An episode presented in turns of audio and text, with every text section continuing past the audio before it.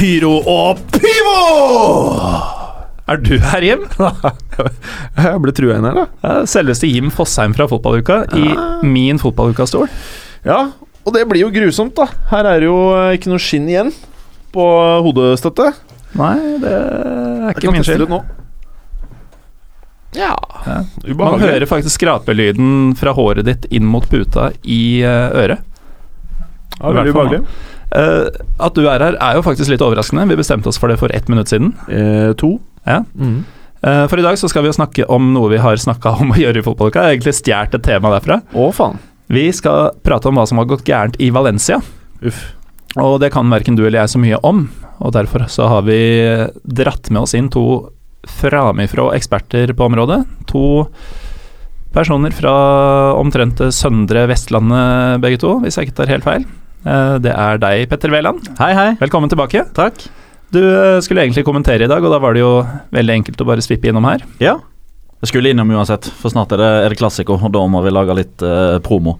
Ja. Men eh, hadde jeg ikke skulle ha gjort det, så tror jeg hadde ville kommet uansett. Altså, ja. temaet ja, for du var ikke vond å be. Nei Da. Jeg sendte deg en melding dagen før. Du var litt skeptisk når du sendte meldinga, eller litt pessimistisk. Ja, Det var litt sånn, Du var på defensiv allerede, allerede men jeg veit at det er litt sånn kort frist osv. Men ja, noen ting er for godt til å være sant. Ja, ja, ja. Og sånn. Men uh, sist du var her, så prata vi jo om uh, Spania generelt. Uh, det ble jo mye via Real, da. Mm. Hvordan syns du sesongen har gått for dem siden sist? Opp og ned, og egentlig litt sånn bakvendt sesong. For Villarreal er jo egentlig ekstremt hjemmekjære. Mm. Og det var de når stadion heter El Madrigal. Men så bytta de navn til Estadio de la Ceramica. Etter det så har de vunnet to av elleve. Mens på bortebane så har de eh, nesten ikke sluppet inn mål og vinner stort sett det som er. Så det er fortsatt uh, bitte, bitte, bitte lite håp om at uh, Sevilla skal fortsette nedturen, og at Villarreal fortsetter oppturen, og at de blir nummer fire. Men uh, sannsynligvis så blir det en europaligaplass, og det, det får være greit. Det høres jo ut som en grei sesong for en klubb av Villarreals størrelse. Rett etter at du var her sist, så ble det gjort en liten sånn videosnutt på Viasats nettsider. En dag i en uh, kommentators liv. Ja, den, ja. Mm. Uh, det som slo meg da, var eh, ikke at du på den tida ikke hadde lappen. Den tror jeg du har nå, for øvrig. Den har jeg nå. Uh, men uh, denne fotballhula som du har uh, hjemme, Ja, den så ganske forseggjort ut. den er jeg fornøyd med. Hva, hva er det du ikke har der av ting som man trenger når man sitter og koser seg med ball i time etter time? Det er ikke innlagt vann. Det er ikke det. Det er det ikke. Så eh, jeg må nøye meg med kapselkaffe. Eh, så når jeg går tom for det, så må jeg jo innhente vann. Ah, det er vel egentlig mareritt. det eneste som ikke er top notch. Men eh, det er kjøleskap der òg, er det ikke? Ja, det er det. Ja, da Ja. Pyro og Pivo Beholdninga Ja. er der. Kanskje ikke pyro i kjøleskapet. Nei, det blir litt vanskelig. Eh, hva syns du om at vi skal Sist du var her, jeg har et sitat fra episode 10 som du var deltaker i. Da sa du hvis du er interessert i fotball og psykologi, så er Valencia et vepsebol som du kan stikke hånda inn i og få ut 1000 forskjellige teorier. I dag skal vi eh, ta for oss, om ikke alle 1000, så en del av dem. Ja, Eh, klar? veldig. En annen som jeg håper er klar, er deg, Even Smith Wergeland. Velkommen. Takk, takk. Jeg er veldig klar. Veldig. Mm. Eh, du er Josimar-skribent, blant annet, men du er eh, enda viktigere akkurat i dag at du er jo stadig i Valencia på diverse oppdrag og arrangementer, og du har da sett innsiden av klubben, eh, i hvert fall deler av den. Det stemmer. Jeg har eh, de siste to åra vært en del av en fast internasjonal fotballkonferanse som foregår i Valencia. Der vi bl.a. Uh, har et samarbeid med akademiet til Valencia og nevnte Villarreal og Levante. Så gjennom dette så får vi jo da en del eh, ja, både offisielle og uoffisielle historier om det som rører seg i klubben. Særlig på ting som går på spillerutvikling, men, eh, men også på eh, andre aspekt av klubbdriften. Og Vepsebol, ja absolutt. Det er Selv for meg som har fulgt klubben relativt tett gjennom 15-16 år, og er i Valencia på jevnlig basis, er det, det er ikke så lett å svare på hvorfor det går som det går, altså. Nei, det er vel eh, fort 1000 teorier. Ja, Eh, kanskje 1001. Jim er jo her uh, i hovedsak for å utfylle meg, for eh, vi lurer på mye, vet veldig lite. Så uh, vi kommer til å stille spørsmålene. Vi kan jo starte. Eh, skal vi ta klubbdrift Vi kan jo nevne at uh, du, Even, har såpass peil på dette, håper og tror vi, at eh, for første gang i Pyro og Pivos historie så er det ikke jeg som har skrevet i agendaen. Det er det du som har gjort. Eh, og det første punktet du har satt opp, er klubbdriften. Mm. Det er jo et vepsebol i seg sjøl, vel. Hvor skal vi begynne? Ja, altså Det mest nærliggende å begynne med er kanskje hvorfor i all verden Valencia har en så astronomisk gjeld som klubben faktisk har. Eh, nå i dag er den faktisk mindre enn den var i 2009, da klubben var nær ved å gå konkurs. Da hadde en ja, Det varserer ulike tall, da, men 550 millioner euro var den offisielle tallet. Um, så det sier seg sjøl, bare ut fra det rent kvantitative, at det er en klubb som, som sliter tungt.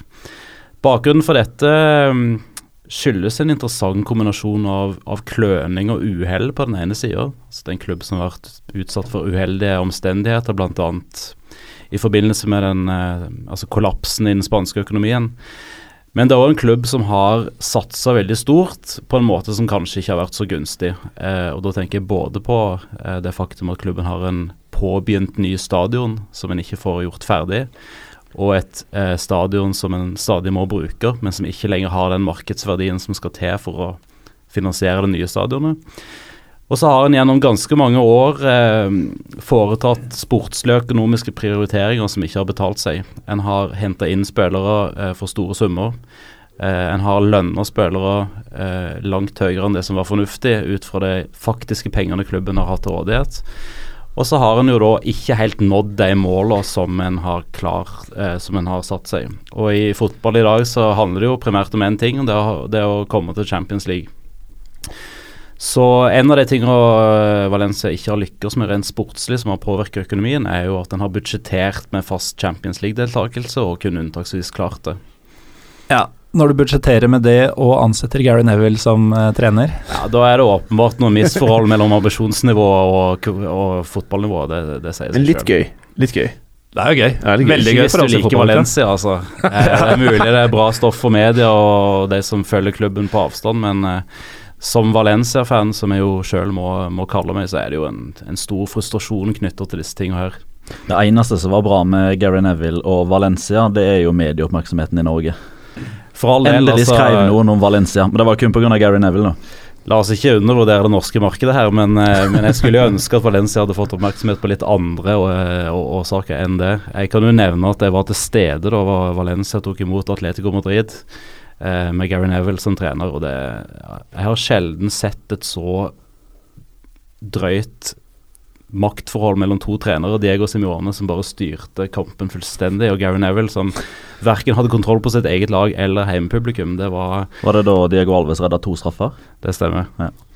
Det, var, det var tristesse på et nivå som jeg ikke hadde vært eh, Som jeg ikke hadde forventa å se på Mestaya, altså. Men i 2009, som du nevnte, som et slags skjebneår Jeg så en tweet fra Andy Mitten for en tid tilbake, hvor han eh, la ut et bilde av deler av Valencia-troppen den gang. Og av de spillerne jeg skal ramse opp nå, så var eh, Nikola Zigic den dyreste. Disse spillerne er da Pablo Hernandez, David Silva, Arismendi, Juan Mata og Fernando Morientes. Av disse så kosta Zigic eh, klubben mest penger. Er vel litt eh, Det er vel relatert til eh, problemene som vi snakker om i dag, Petter? Åh, det er så mangt, vet du.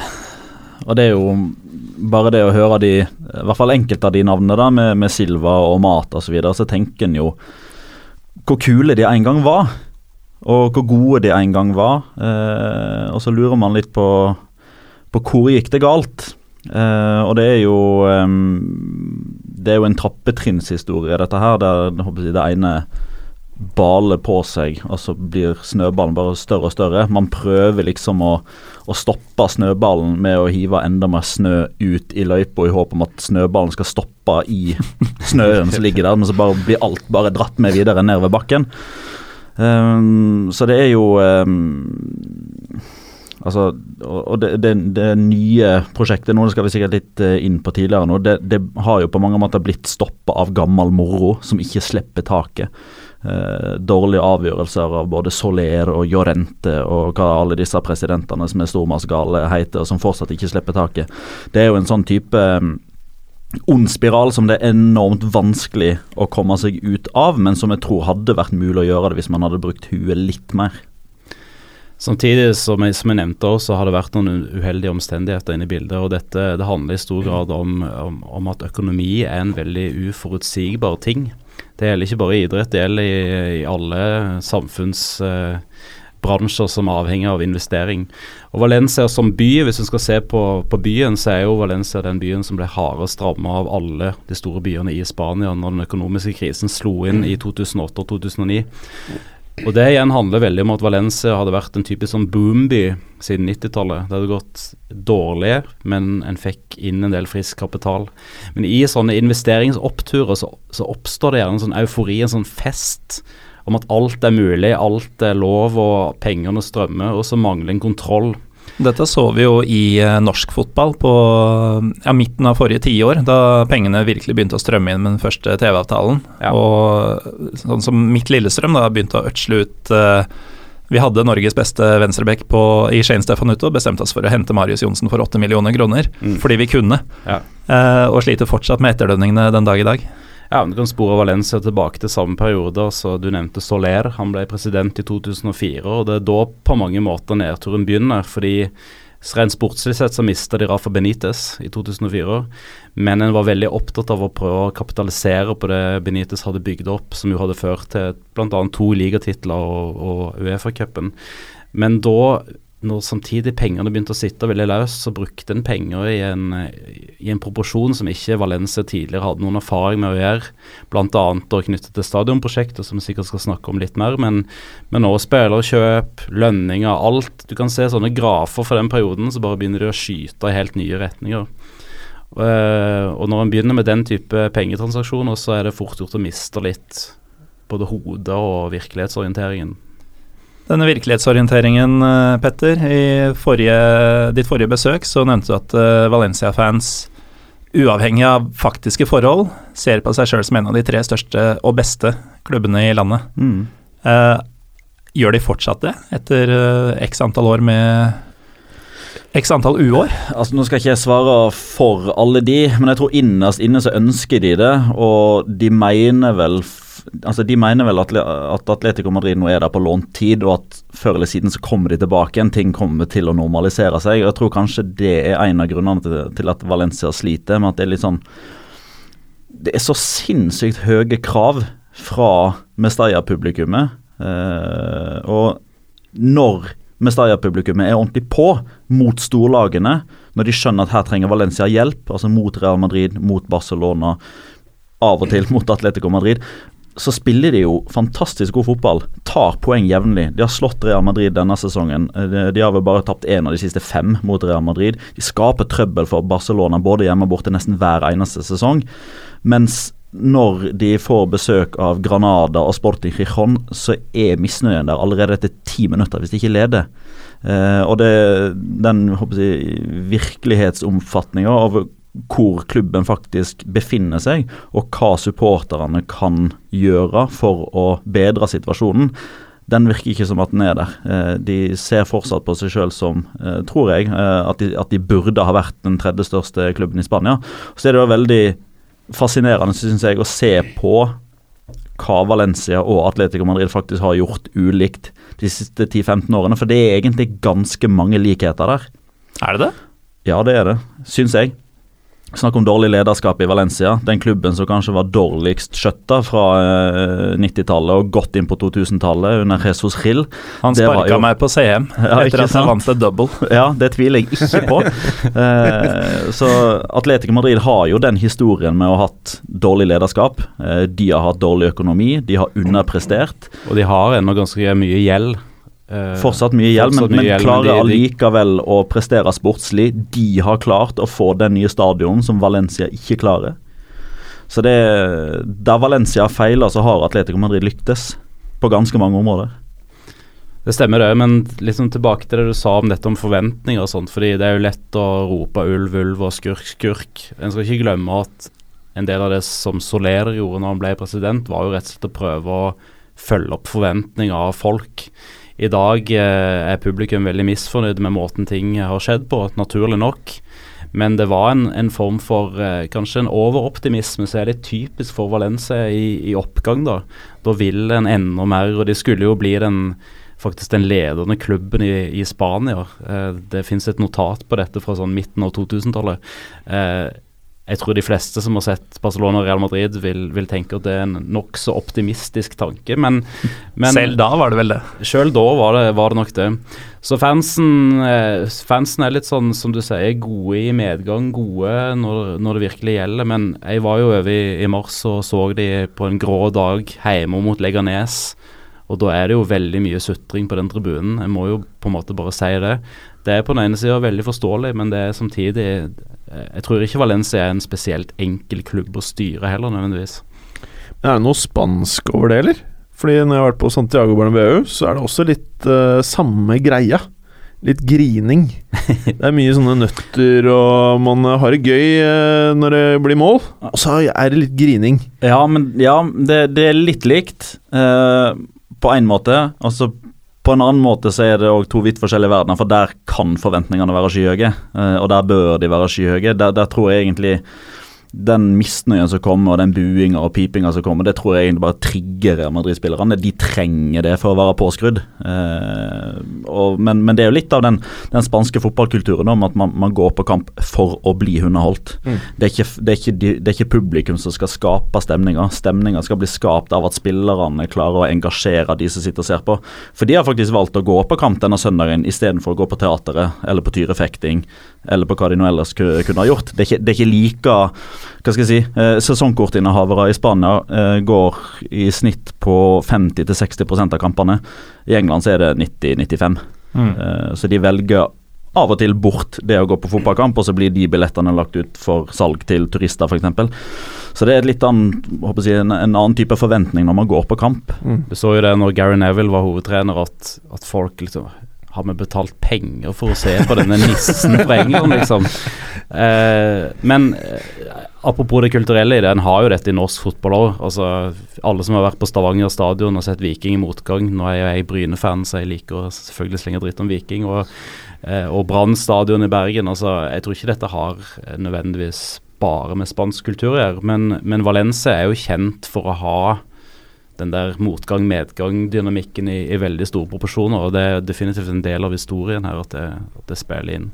Er Siddiser eh, Norges eh, valentianere? Nei, Jeg tror kanskje jeg vil heller si at Bergen er det. Ja. Siddisene mangler temperamentet. Ja, det er for så vidt et ja. uh, poeng. Ja. Um, du som har satt opp agendaen her, Even, du har også et punkt som bare heter spillergruppa. Og der Altså, jeg ramsa opp noen navn tidligere hvor det var vel nok av folk som skulle hatt mer eh, lønn enn Nikola Zigic. Eh, hva er det de har drevet med de siste åtte-ni årene, når de har eh, prøvd å sette sammen ja, det som helst skulle vært slag, slagkraftige lag? Altså Jeg kan jo dra parallellen til første gangen jeg så Valencia live på et stadion. Det var av alle ting på ja, snakk om katastrofer. Telenor Arena. Eh, Valencia Stabæk 2009. Der var jeg òg. Der var Petter òg. Og da hadde jo Valencia stadig et fantastisk lag på papiret. David Villa, David Silva, Carlos Marchena var der ennå. Eh, Raúl Albiol. Altså det var vel seks eller sju, i alle fall seks VM-vinnere på det mm. laget. Hvis en drar tråden fram til i dag, derimot, så er jo det en sitter igjen med fordi en har måttet selge spillere pga. økonomisk nød. Et lappeteppe Eh, Valencia minner egentlig om en veldig dårlig planlagt by, der du stadig får inn nye byplansjefer i form av nye managere, nye sportsdirektører. Nå er du på hjemmebane. Nå er jeg på hjemmebane. eh, det vil jo si at eh, hver enkelt aktør henter inn sine folk, eh, og det er gjerne litt sånn desperate ting som at ja, en spiller som Nani, altså all mulig respekt til Nani, han er ikke lenger på toppen av karrieren, eh, må vi vel kunne si. Han tjener nok fett i Valencia i dag. Så har du Simone Tsatsa, effektiv og god spiss i Italia på mange måter, men han, han, han har ingen klart definert rolle i Valencia i dag.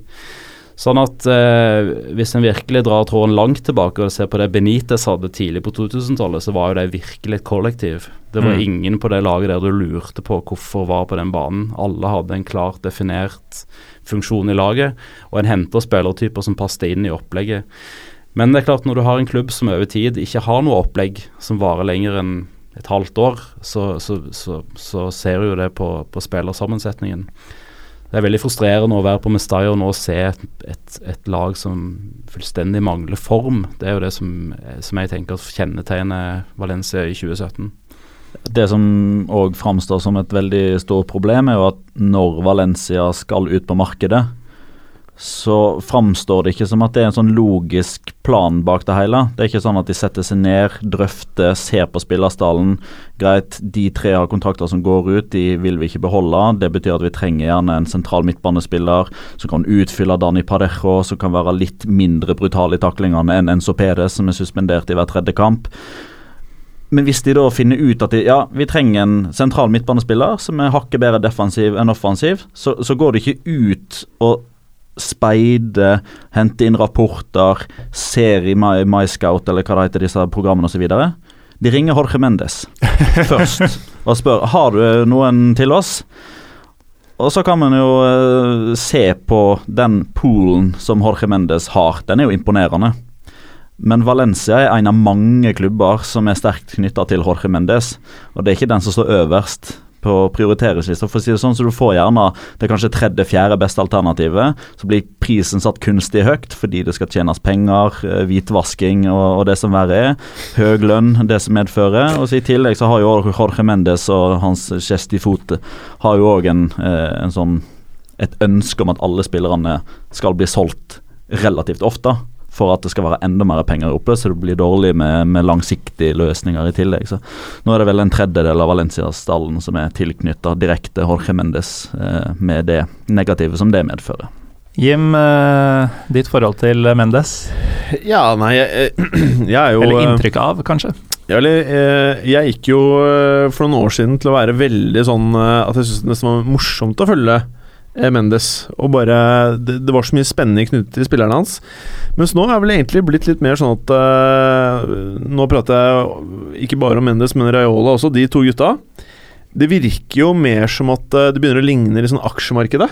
At uh, du skal trade mest mulig, og at det er ren butikk. Det er ikke lenger det derre og det er jo, jeg er jo Real Madrid-supporter, og eh, jeg ble det i eh, Var det 2000 eller 01? Hvor når Figo gikk fra Barca til eh, Real. Det var da jeg ble Real-supporter. Da fikk du med Fossheim på kjøpet?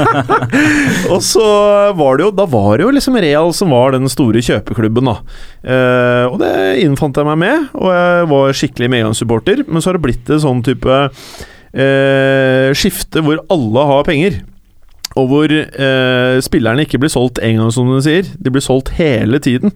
Og så har du da nye nyrike, da. Sånn eh, Mashakala, eller hva de het. Eh, pluss skulle de ha fire-fem av poolen til disse gutta. Og så har du USA som skulle briske seg litt, og så nå er det Kina. Så til slutt så blir det liksom sånne summer som gjør at det ikke lenger reflekterer helt eh, noe for meg i hvert fall, da, noe markedsverdi her. At det er litt tilfeldig hvor disse prisene blir satt, og at det er Mendes og Raiola og noen av disse tyske og nederlandske selskapene som dikterer mye av det eh, klubbene må betale. Dette er jo en ting som du eh, ser reflektert i måten en klubb blir drevet og strukturert på. Valencia er sånn sett et veldig typisk eksempel. Den nåværende eieren, Peter Lim, som kom inn i 2014, han, han ble jo sett på som en redningsmann opprinnelig. For han, han gikk inn og sletta en del av gjelda de hadde osv. Men hvis du ser på hvordan klubben har blitt drevet etterpå, så ser en at nettopp dette forretningsperspektivet du snakker om, har blitt veldig sterkt. Jeg sjekket senest i dag. Hvem er det som egentlig sitter i styret til Valencia? Jo, det er nesten bare utelukkende folk fra eh, businessbakgrunn i Singapore. Altså I det styret sitter det veldig få som faktisk kan noe om fotball, og som kan noe om Valencia. Altså verken klubben eller byen. Og Da har du et styre som driver en fotballklubb ut fra nettopp det du beskriver her, om at det er forretningsinsentivet som er det viktigste, og det er den globale pos posisjonen til klubben. Så det som skjer med, med Valencia som fotballklubb, er åpenbart nokså underordna. Uh, I tillegg har han jo ansatt en, uh, en ny president, Lei Hun Chang han hørtes lokal ut. Ja, eller hun. Hun er faktisk ei, ei dame. Uh, det, det, er for så vidt en ganske progressiv uh, ting. Men uh, hun virker åpenbart mest av alt som hun er utnevnt for å være eierens høyre hånd. primæroppgaven er på en måte å smoothe over de tingene som skjer i bakgrunnen, og egentlig mener minst, minst mulig om, om fotballen. Så, så pga. disse omstendighetene her, eh, så har en eh, gått fra å se på Peter Lim som en type frelser, til eh, å se på han som sjølve problemet i måten klubben er drevet på. Jeg, jeg klarer forresten ikke å høre navnet Lai Ho-chan uten å tenke på den pressekonferansen som eh, Valencia hadde, der hun var ordstyrer. der de skulle informere om at Paco Alcázar skulle ikke selges. Nå va a vender a Alcácer, sa hun fire ganger på sånn gebrokken spansk. Og så gikk det et par måneder. Paco Alcázar til Barca. Men uh, Even, nå er det sånn at uh, du snakker mye objektivt om sånn Man har sett på Peter Lim som dette, og nå ser man på ham som dette. Men uh, jeg vil bare minne deg på at dette er en uavhengig podkast med en sånn R for For expletive language. Mm. Så um, hva er din take på Peter Lim? Ja, altså, jeg prøver jo å ikke være en av disse typene som klager på at fotballen var bedre før, og pengene ikke, burde ikke vært der, osv. Det har jo alltid vært penger i fotballen, en skal ikke bare være kritisk til kommersialisering osv. Når det er sagt, så, så blir en jo veldig oppgitt over at disse midlene som åpenbart er i omløp, ikke kommer klubben til gode. Og det mest patetiske, for å bruke et sterkt ord En kraftsalve. Ja, skikkelig kraftsalve, så sterkt som det blir på Jæren. Jeg er glad vi har den én. Uh, ja, det, er det. Det er, det er det, ja. Eksplisitt. Nei, men sånn, En veldig trist uh, hendelse som jeg var vitne til sjøl i den nevnte kampen, da, Valencia Leganes, var at klubben hadde utestengt fire frivillige fra stadion fordi at de hadde ytra seg kritisk om klubben på sosiale nettsider. Og da er det sånn folk som ikke engang blir betalt for å være der, som er, tar de kjedelige jobbene i forbindelse med kamp, blir utestengt fordi at de har vært kritiske. Eh, og da blir en jo som fotballfan opprørt, jeg må jo si det. Eh, og da skjønner en ikke helt hvorfor en, en eier i det hele tatt kommer inn. Hvis du, ikke, eh, hvis du ikke er interessert i å ha noen kontakt med grasroten i en klubb, da blir det jo egentlig bare penger det står på. Men det er jo et perfekt eksempel på at de kanskje ikke bryr seg så veldig mye om hvordan klubben gjør det sportslig. Ja. For det, På det tidspunktet så var Valencia nummer 16, hvis ikke husker feil. Hvis, hvis det ikke er lov å ytre seg kritisk over hvordan de presterer da, hvor legger de da lista? Ja. Så er det, altså det sportslige er jo én ting, det andre er om du faktisk bryr deg om det stedet der du investerer penger. Fordi de som, eh, de som heier på Valencia, bortsett fra sånne som meg, som, som, er basert i Norge, de som er fra Valencia og regionen, som, som som heier på klubben, de har, jo en, eh, de har jo en aksje i at klubben er en del av byen og identiteten. Og Hvis det elementet begynner å forsvinne, da tror jeg jo at det vil gå dårlig med, med oppslutningen. Og En ser jo det denne sesongen her at de, de, de har dårlige tilskuertall på hjemmekamper. Så En skal ikke strekke den, den, tingen der for langt, tror jeg, før det faktisk begynner å få eh, effekter, selv i store klubber. Tenker du at det er eh, hovedårsaken til at tilskuerne svikter? Altså det, jeg tror iallfall det er en vesentlig årsak. Jeg tror den viktigste årsaken til at klubben gjør det dårlig sportslig. Altså Fotballsupportere er ganske, ganske tvilsomme på den, den, måten der. Jeg så på Twitter seneste dag at folk beklager seg over at uh, i Sarpsborg så har vi nå begynt å se på fotball istedenfor hockey, mens i Stavanger er det motsatt. Nå, nå ser alle på hockey istedenfor fotball. Så, så, det er klart lojaliteten til fans kan jo alltid eh, liksom Ja, en, det er ikke et enkelt spørsmål. Men jeg tror i alle fall at det bidrar ekstremt negativt. og Hvis jeg kan dra et annet eksempel på, på en lignende type scenario, Laton Orient, som er en klubb jeg følger i, i London, det er jo nå på god vei til å rykke ned til Conference League. Etter en periode der klubben gradvis har blitt overtatt av italienske eiere. Og ikke et vondt ord om italienere i, i det hele tatt, men en ser at distansen mellom eh, klubben og fansen øker når en både får inn folk som ikke bryr seg nevneverdig om klubben, og det begynner å gå dårlig sportslig. Og Valencia er inne i en sånn loop eh, nå, der det både er en økt distanse mellom ledelsen og grasrota, og, og, den sportslige suksessen åpenbart lar vente på seg.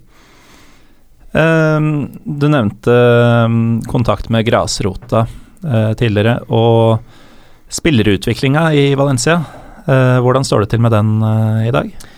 Altså Heldigvis, da. En positiv faktor oppi alle elendigheten er at det stadig skjer, skjer, bra ting i akademiet. Og um, nå som vi har vært der, en sånn liten delegasjon fra Norge, så ser en jo at det, heldigvis da gror ganske bra. Det kommer stadig opp nye folk. Carlos Soler, eh, midtbanespilleren, er den mest interessante som har kommet opp, eh, opp, denne sesongen.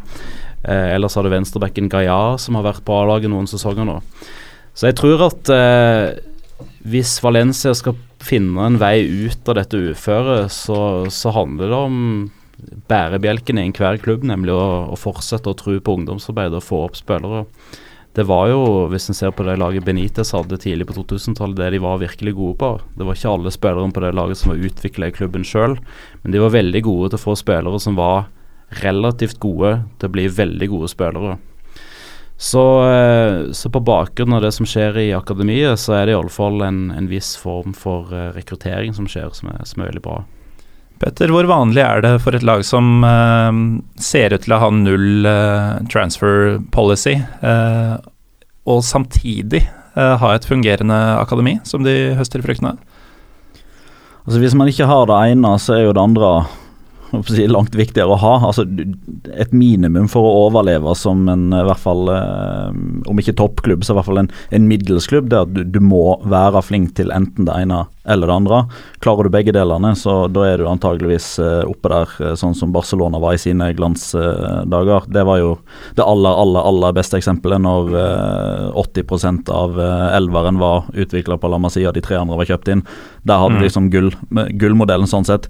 Valencia har jo alltid vært langt framme i skoen når det gjelder å komme med, med nye metoder å, å, å trene på, og ikke minst tenke på. sånn som jeg har forstått det, så, så var Valencia liksom liksom en av de første klubbene som i sin tid begynte å tenke mer på jeg, menneske, personen først, for deretter å forme fotballspillere.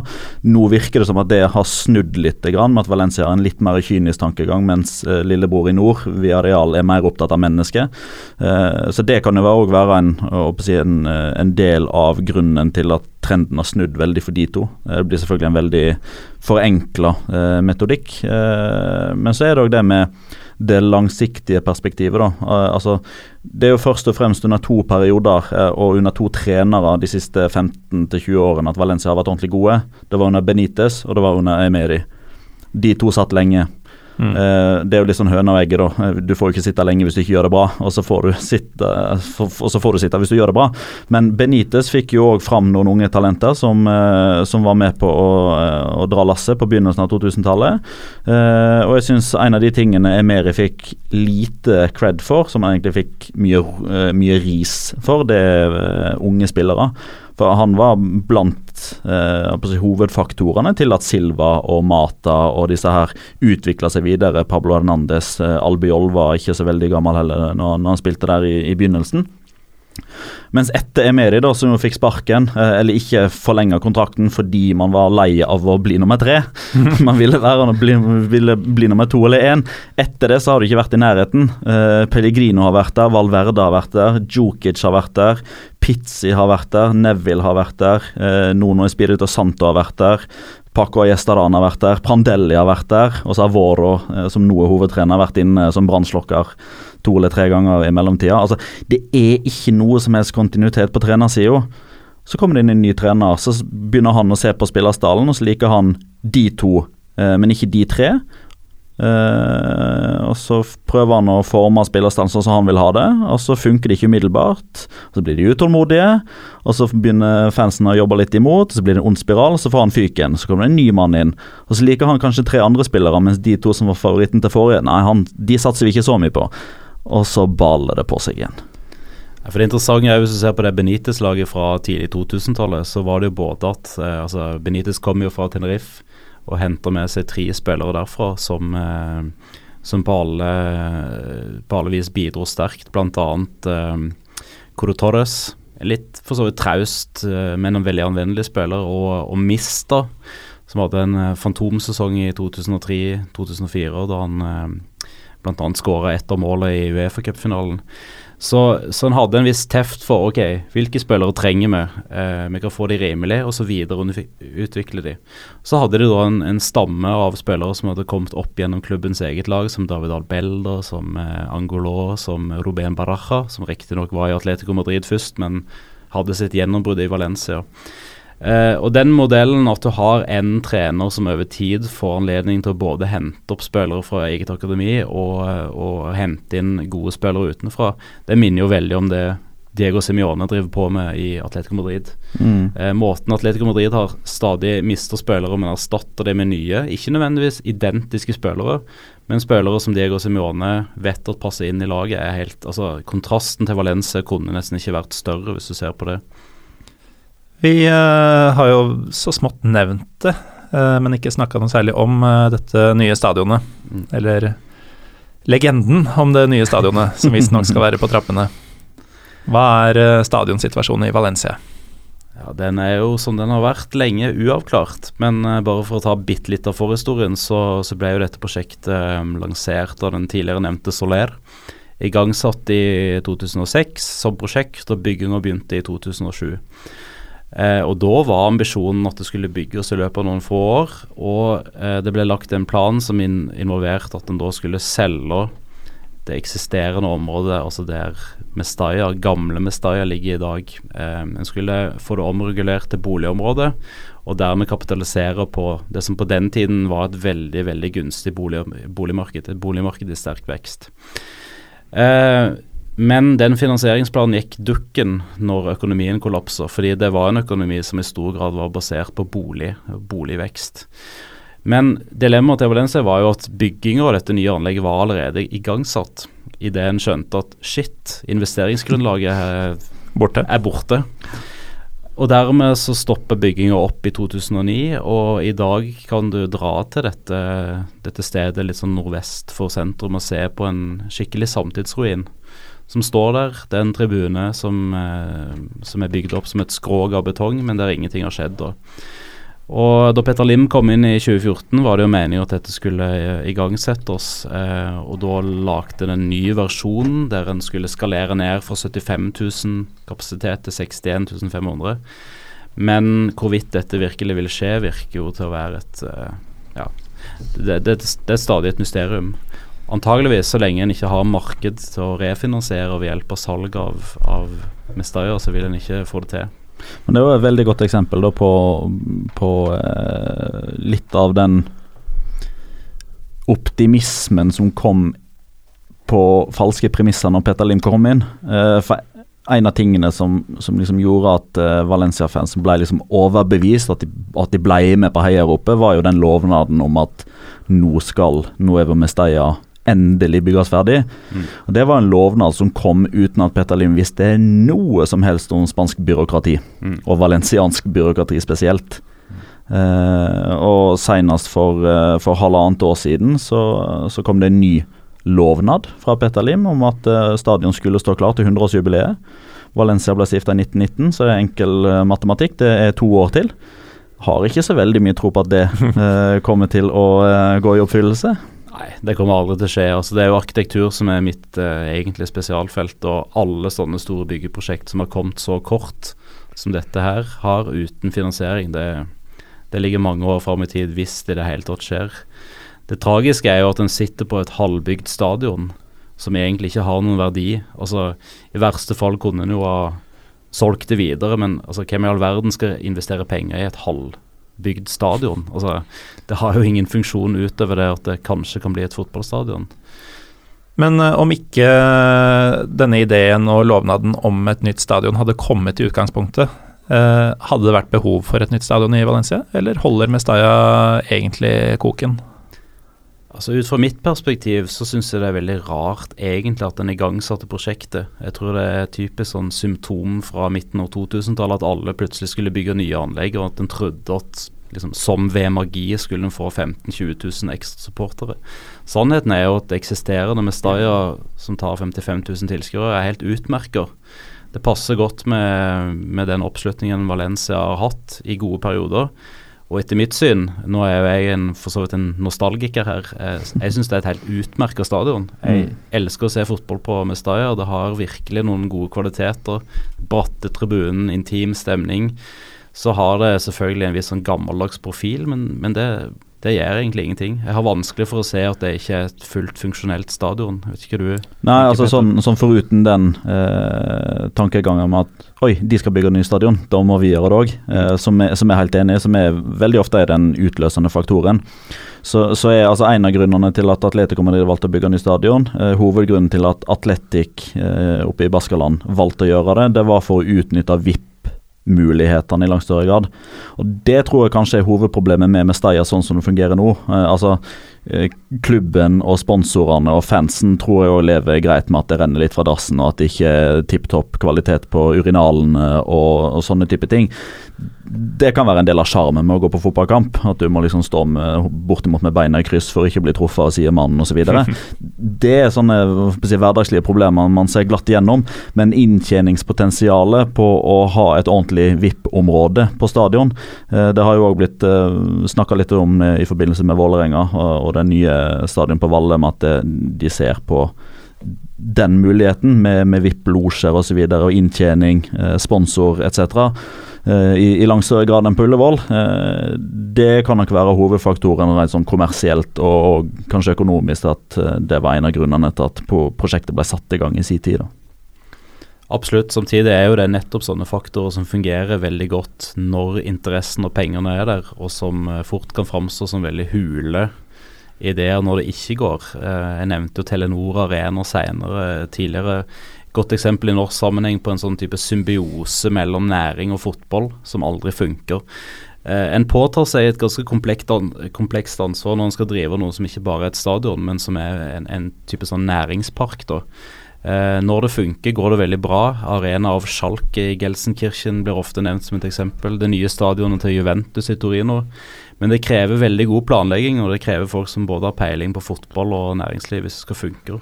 Der burde jo Valencia vært eh, langt framme i skoen med tanke på Peter Lim og Singapore og disse businessfolkene der. Absolutt, altså forutsetningene er jo til stede, men, eh, men spørsmålet er om en ikke allikevel har tenkt, tenkt litt for stort. Om en ikke heller Ja, ja, og når man begynte å tenke på dette, så var jo Peter Lim en Det ukjent mann i Valencia-sammenheng.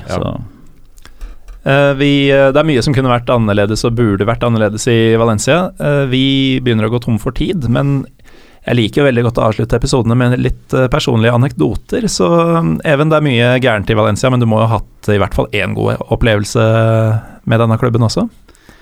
Ja, altså Jeg må jo faktisk da um, tilbake til til suksessperioden, altså naturligvis, da. Men jeg skal faktisk trekke fram et eksempel på, på en kamp som jeg husker spesielt godt, eh, og som Valencia ikke endte opp med å vinne til slutt. Nemlig kvartfinalekampene mot Inter i Champions League 2003-2004-sesongen. Eh, fordi det var eh, Det var to, to oppgjør som for meg liksom definerer hvorfor jeg i det hele tatt er interessert i fotball. To lag som på den tida der spilte utrolig bra. Og selv om jeg åpenbart holdt med Valencia, så hadde jeg dype sympatier for det interlaget, for det var et veldig veldig bra lag, med Christian Vieri kanskje da på tampen av den perioden der han virkelig var en superspiss. Og irriterende nok var det jo han som til slutt var tungen på vektskåla. Eh, da var det sånn at eh, Inter vant eh, 1-0 i det første oppgjøret i Milano, og så, eh, så klarte de å få ett bortemål tidlig i Valencia, sånn at da Valencia måtte vinne 3-1. Eh, de klarte det bare nesten med 2-1, men Francesco Toldo i Intermålet spilte en helt umenneskelig kamp. Og Det er nok en av, en av de kampene jeg virkelig husker. Eh, jeg så det på TV, og jeg husker ennå Francesco Toldos nesten sånn umenneskelige prestasjoner. Og på et øyeblikk så, så raser Toldo ut i sitt eget forsvar og tar kvelertak på Materazzi. Altså Tenningsnivået var så enormt at han bare Du gjør det jo ikke på Materazzi. Nei, altså det, forteller litt at han tross alt eh, vågte det. Eh, men eh, det var jo et Valencia-lag som, som var på sitt aller beste. Altså Den 03-04-sesongen med Benitez. Eh, fantastisk eh, spill. Fikk du vært der eh, den sesongen? Dessverre ikke. Eh, skulle gjerne vært der, men, eh, men nei. Petter, du er ikke nødvendigvis eh, Valencia-fan, men du er jo en del i Spania. Eh, vært på noe saftig oppgjør i det siste? Ja, jeg var på uh, Atletic mot Real Madrid for uh, det blir snart tre uker siden. Da satte de ny tilskuerrekord. Har aldri vært flere folk på kamp enn uh, akkurat den kampen. Egentlig en ganske ålreit uh, fotballkamp, der hjemmelaget følte seg på samme måte som de aller fleste andre motstandere som Real Madrid har møtt de siste månedene. De følte at de fortjente mer. Der har, der har Real Madrid en egen evne. Altså, det er en katt som ikke har ni liv, men uh, i hvert fall 18. Med at de har en egen evne til å ikke uh, prestere top notch, men allikevel være best der det gjelder, i, i begge bokser. Uh, men for å, for å avslutte Valencia-praten, da, så har vi vært veldig negative. så får jeg si at jeg liker Valencia som klubb. Jeg håper at de liksom kommer tilbake til dit de en gang var, for spansk fotball trenger Valencia i toppen. Uh, og så hadde Even et uh, supporterståsted. I avslutninga kan jeg ta et statistisk faktum da, som jeg syns er litt morsomt. Rett fra Excel-arket rett fra, Rett fra Excel-arket og dokumentene her, fordi når vi sitter og snakker her nå, da, så har Valencia spilt 29 kamper. De spiller senere i kveld mot Celta. Uh, Toppskåreren til Valencia har fem mål. Monir, El Hadadi og Santimina har fem mål hver. Eh, og etter 29 serierunder så er det det laveste antallet for Valencia sin del siden de ble seriemester mm. i 2001-2002. Eller 2000-2001. Så det viser Jeg syns det er et sånn veldig godt eksempel for at statistikk kan liksom være så mangt, eh, og at eh, det ikke nødvendigvis er samsvar mellom kollektivet og enkeltprestasjonene. Uh, Jim, verken uh, supporter eller statistiker. Uh, du må vel egentlig bare komme deg på flere fotballturer? Eller har du noe Jeg har sett Valencia. Du har det? Ja. ja. På Telenor Arena mot Stabæk. Alle her var der unntatt meg? ja, det var chill, altså. Ja. Dette begynner å bli som den Sex Pistols-konserten som mange, mange, tusen var på, men egentlig bare 200. Ja, jeg også var på den. Jeg var ikke født, men jeg var der. Ja. vi må runde av. Takk til Even Smith Wergeland, Petter Wæland og eh, Jim Fosheim, som fortsatt er her, eh, for at dere kom. Og eh, til dere Valencia-fans der ute, dere må ha lykke til videre. Det virker som dere kan trenge det framover. Jeg heter Morten Galaasen, vi er Pyro Pivopod på Twitter og Instagram. Vi tar mest sannsynlig påskeferie, men hvis det dukker opp noe neste uke, så får dere ta det som en ren bonus. Ha det bra.